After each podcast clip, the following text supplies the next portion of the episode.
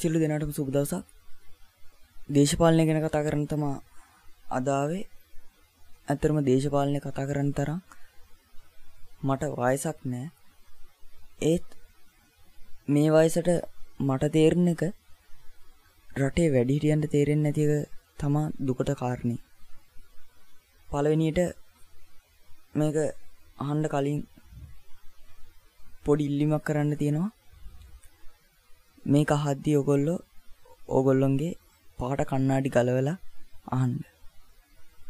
වර්තමානයේ වෙද්දී දේශපාලනය කියන්නේ එක්තරා ව්‍යාපාරයක් කරගෙන ඉන්නවා දේශපාලඥයෝ කිහිප දෙනෙක්.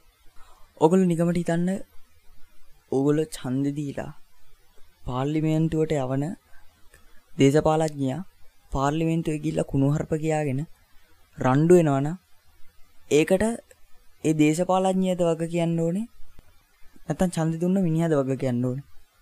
එතන දේශපාලඥයා කිසි වැරද්දක් නැහැ. මොකද ඕන මිනිහට ඡන්දයක් ඉල්ලන්න අයිතිය තියෙනවා. ඒ අයිතිය පිට ඒ මිනිහා ඡන්ද ඉල්ලනවා වෙන්න පුළුවන්. ඒත් මිනිස්සු දැනගන්න ඕනේ මේ මිනිහා රටට වැඩක් කරයිද? මෙන්න මේවා මිනිස්සු හිතලා තීරණයක් අරගෙන ඡන්දෙ දෙන්න ඕනේ. දැන් ලංකාවේ මෙහෙම සිස්ටම් එකක් නැති ඉන්නේ. ඒ කියන්නේ අර පරම්පරා ඡන්දනේ තියෙන්නේ. ඒ කියන්නේ තාත්තා UMP නම් පුතත් UMP. තාත්තා පොහොට්ටු නම් පුතත් පොහොට්ටු. එහෙම සිස්ටම් එකක් තමයි ලංකාවේ තියෙන්නේ. ඉතින් මේ සිස්ටම් එක වෙනස් වුණ තැන රට වෙනස් කරන්න පුළුවන්. මම මුලින් කිව්වා වගේ මේක පාට කණ්ණාඩි ගලවලා අහන්න මම කිසිම දේශපාලඥයෙක්ට කඩ යන්නෙත් නෑ. කඩ යන්න තරම් මට තව වයසකුත් නෑ. අඩුතරේ මට ඡන්දයක් දාන්නව තරම් වයසක් නෑ. ඉතින් මුලින්ම කියන්න ඕනේ ලංකාවේ බහුතරයක් ජනතාව කැම්පේන් වලට යන මිනිස්සු ඉන්නවනේ. ඒ මිනිස්සු ඇත්තටම ওই කැම්පේන් වලට යන්නේ අයියේ. බත් පැකට් එකටයි අරක්කු කාලටයි ওই කැම්පේන් වලට යන්නේ. ඒ මිනිස්සු එතනින් එහාට හිතන්නේ නැහැ. කියන්නේ මේ මේ ඉල්ලන දේශපාලඥයා රට විකුණයිද කියලා ඒ මිනිස්සයා හිතන්නේ. කියන්නේ මූ හොඳක් කරයිද මූ නරකක් කරයිද කියලා ඒ මිනිස්සයා හිතන්නේ. ඒ මිනිස්සයා බලන්නේ කොහොම හරි තමන්ගේ වාසි අරගන්න. ඉතින් ඒගොල්ලොන්ගින් අපි ඉල්ලන්න. ඔයාලාගේ ඉස්සරට එන පරං පරාවත් මේ තියෙන තත්ත්වෙන් ගලවගණ්ඩ ඕන්නම් ඕගොල්ලෝ ඔය කැම්පේෙන් කරන්න චන්ද දෙන්ඩ ඉස්සල්ල පොඩ්ඩක් කල්පනා කරල බලන්න. මේ මනුස්සය රටර වැඩක් කරයිද? නැත මේ මනුස්සය රට කාලකන්නි කරයිද? මේ ගැන පොඩ්ඩක් හිතලා හරි තීරණයක් කරගෙන චන්දෙ භාවිතා කරන්න. චන්දෙ දාන්න පුළුවන් කියන එක අයිතියක්. ඒ අයිතිය හරි විදියට ඉෂ්ට කරන්න. ඒවගේම කියන්න ඕනේ ඕගොල්ලොන්ගේ ඉදිරි පරම්පරාවට මේක මෙහෙම නොවි මේ සිස්ටම් එක මෙහෙම නොවි යන්න ඕන නම් ඕගොල්ලොන්ගේ ඡන්දේ හරියට හරි දේශපාලඥයෙක්ට පාවිච්චි කරන්න. අර මං කිව්වා වගේ පරම්පරා ඡන්ද වලට නම් ඉඩ දෙන්න එපා. ඔයාලට හොඳයි කියලා හිතන රටට වැඩක් කරන දේශපාලඥයෙක්ට ඡන්ද දෙන්න පොඩක් හිතලා බලන්න. දැන් පාර්ලිමේන්තුවේ ඉන්නේ සාමාන්‍යයෙන් වයස අවුරුදු 50 50ට වැඩි කට්ටියනේ සාමාන්‍යයෙන් බහුතරයක් ඉන්නේ. ඒ කියන්නේ 100ට 90ම ඉන්නේ වයස 50ට වැඩි කට්ටිය. ඉතින් 110ක් විතර තමයි තරුණ නියෝජන තියෙන්නේ පාර්ලිමේන්තුවට. අපි දන්නා මේ හරීන් ප්‍රනාන්දු චතුර සේනාරත්න ඔය වගේ ඉන්න ඇමතිලා මන්ත්‍රීලා ඔය සෙට් එකන ඉන්නේ. එතකොට ඇයි මේ පාර්ලිමේන්තුවට තරුණ නියෝජනයක් එන්නේ නැත්තේ? ඒ එන්නේ නැත්තේ අර පරම්පරා ඡන්ද සෙට් එකෙන්ම තමයි. ඒ පරණ සෙට් එකම තමයි අපි ආයෙත් පාර්ලිමේන්තුවට යවන්නේ. ඇයි අපි මේ පරණ සෙට් එකම ආයෙත් පාර්ලිමේන්තුවට යවන්නේ?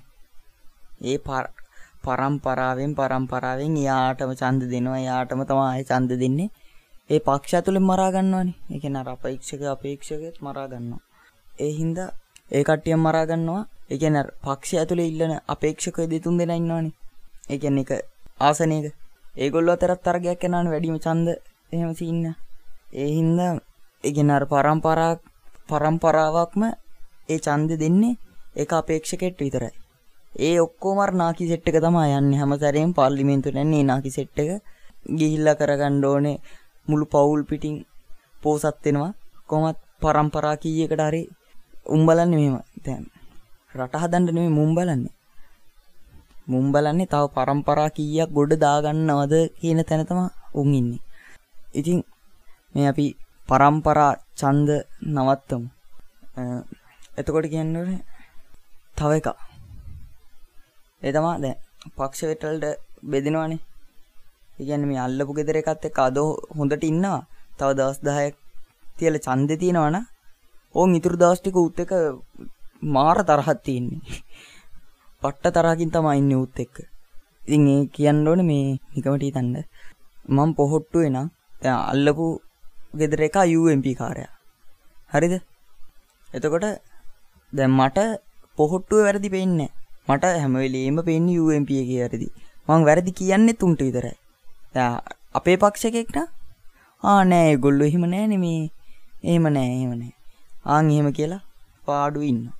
දැන් UMP එකකින් මොකක් හරි අනිත් එකාගේ පක්ෂෙන් මොකක් හරි වැරද්දක් කරොත් ඒක අල්ලගන්න අම්මට හුඩු ආන් අරු අර එහෙම කරලා මෙහෙම කරලා කියලා. දැන් මගේ පක්ෂේ වැරද්ද මට පේන්නේ අනිත් පක්ෂේ වැරද්දම විතරයි මට පේන්නේ. ඒතර එක පක්ෂයකට ගැති වෙලා ඉන්නේ අපි. උන්ගේ වහල්ලු වගේ. අපි ඡන්දෙ දීලා පාර්ලිමේන්තුවට යවන එකෙක් අපේ ප්‍රශ්නයක් උන්ට කිව්වට උන් අහන්න නැත්තම් ඉතින් ඇයි අපි පාර්ලිමේන්තුවට යවන්නේ? උන් පාර්ලිමේන්තුවට යන්නේ උන්ගේ પરම්පරා කීයක් හරි ගොඩ දාගන්න. ඇයි අපි උන් යවන්නේ පාර්ලිමේන්තුවට? ඉතින් මේක වෙනස් කරන්න පුළුවන් අපිටම තමයි. ඔගොල්ලොන්ගේ වටිනා ඡන්දේ වටිනා පුද්ගලයෙක්ට පාවිච්චි කරන්න. මෙතනින් මේ රට හදන්න පුළුවන් වෙයි.